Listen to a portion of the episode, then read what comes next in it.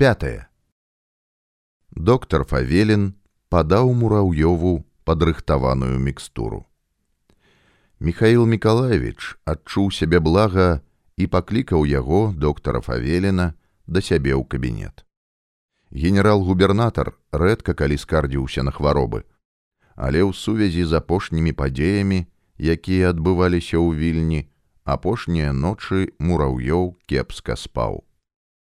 Доктар даваў яму настой з зёлак, але тое не дужа памагала. Мураўёў выпіў горкую мікстуру, перакрывіўся. Ну и гадость твое лекарство, милейший доктор. Пить противно.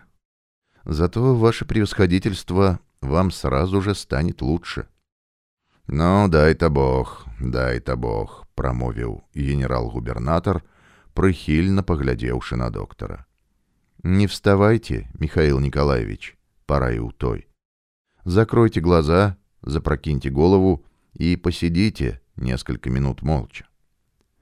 Спокойно и одностайно колыхаўся маятнік масіўнага гадзінніка, што стаяў у куце.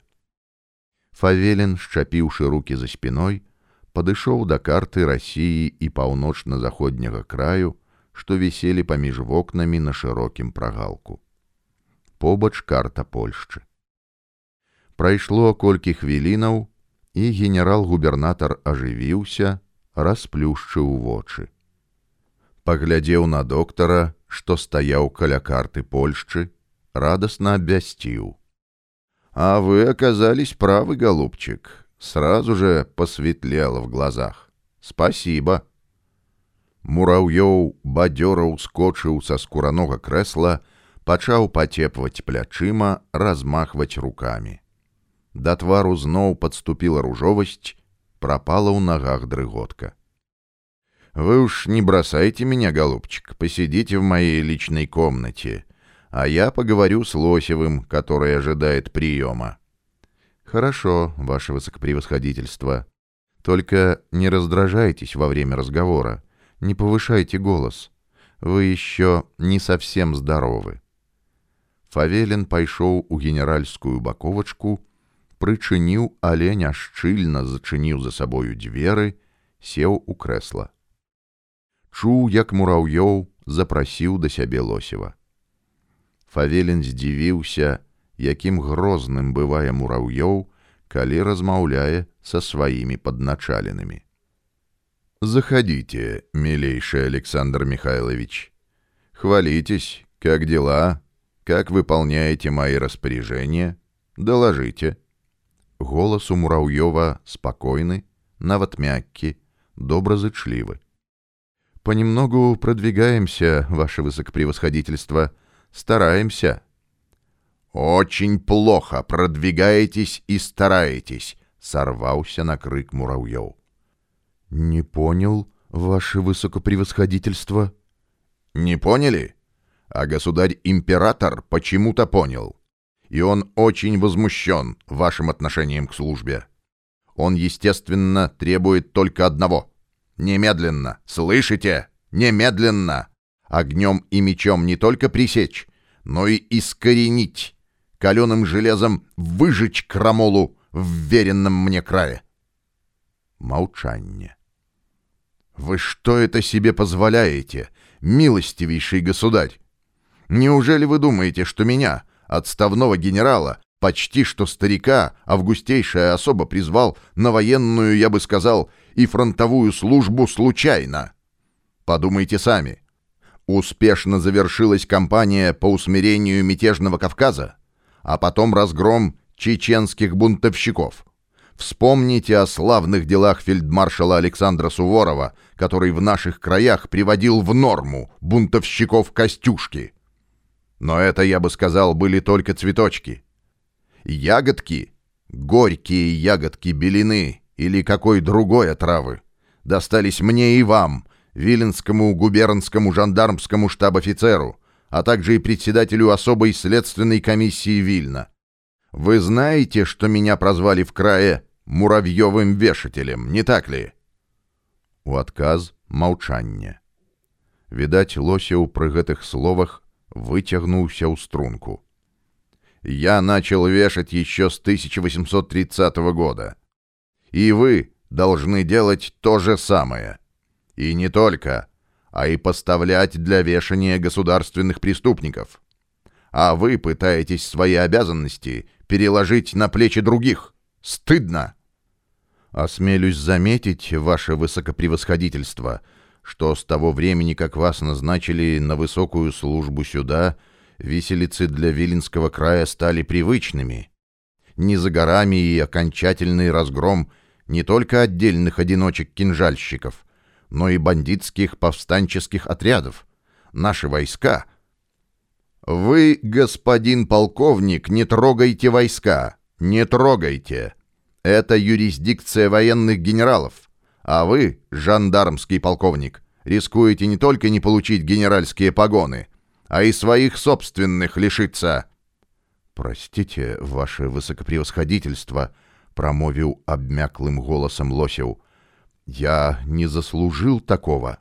«Заслужили, заслужили. Я не могу простить бездеятельности своих подчиненных. Вы спокойно спите по ночам, а я уснуть не могу. Мне уже снится каждую ночь Яська из-под Вильни, а вы все обещаете и обещаете изловить его. Когда это произойдет, жандармский полковник? Когда? Ответьте!» Мусіць, мураўёў забыўся на яго фавеле на перасцярогу, бо голас набыў такую моц, што посуд дрыжэў у шафе. Ён ужо хацеў падняцца і ўмяшацца, але не наважыўся. «Ваше высокопревосходительство, выслушайте меня!» Клянусь честью офицера, что в ближайшие дни руководитель бунта, живой или мертвый, предстанет пред вами. Мертвый мне он не нужен, только живой. Слышите? Живой! Нескольких дней, а, возможно, и часов. Откуда у вас такая уверенность, Александр Михайлович? Голос у генерал-губернатора перамяніўся, нават паніжэў, и доктор супокоился. Он уже в капкане. Осталось только захлопнуть тот капкан. Так захлопните. Кто вам мешает? Непредвиденные обстоятельства, ваше высокопревосходительство. Калиновский оказался профессионалом.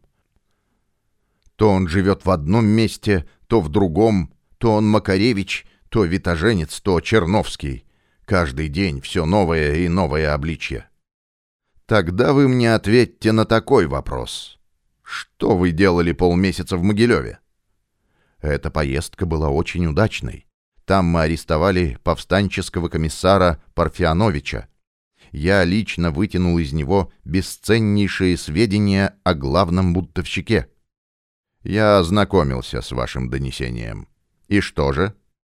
Так он мне все подробно рассказал и о явочных квартирах, и о резиденции их подпольного правительства северо-западной части России. Вы хотите сказать, что и их правительство находится в том же Могилеве? Да нет же, нет. Вы удивитесь. Оно здесь, в Вильно, и притом недалеко от нас, от этого здания. Более того, вы не поверите, если я выгляну в окно и крикну «Эй, ты, бунтовщик Калиновский, отзовись!» то он услышит мой голос. Недалеко отсюда находится костел святого Яна. Квартал, который примыкает к нему, жители Вильна именуют Муры. Это бывшее общежитие бывшего Виленского университета. В одной из квартир этих Муров и проживает известный нам диктатор Литвы. Почему вы не арестуете его? Есть одно обстоятельство. Я знаю все про него, но, к сожалению, не знаю его в лицо. Также не знаю и номера квартиры, где он обитает. В данный момент, когда мы беседуем с вами, все силы брошены на то, чтобы изучить все домовые книги. Он, как сказал нам Парфянович, сегодня прописан под именем Витоженец. Как только мы наткнемся на эту фамилию, не составит никакого труда взять его в теплой постели. Мусіць генерал-губернатар задумаўся, бо нейкі час маўчаў. Так вы говорите, Александр Михайлович, что это один из опытнейших бандитов? Уму непостижимо, как ему удается так ловко ускользать из расставленных нами ловушек. Достойный и умный противник. Это не казачок-разбойник Разин, не мужлан Емелька. Он учился в Петербурге, имеет кандидатскую степень, знает несколько языков и издает мужицкую правду. Кстати, уважаемый Михаил Николаевич, когда я вам его представлю живого и невредимого, хочется верить, что мои заслуги и вами, и августейшим монархом будут оценены по достоинству. Муравьёў маўчаў, і палкоўнік зразумеў, што час аўдыенцыі скончыўся. Фавелін хуценька адышоў далей ад дзвярэй і ўсеўся ў крэсла. Паклаўшы галаву на мяккую спінку, прытварыўся, што дрэмля.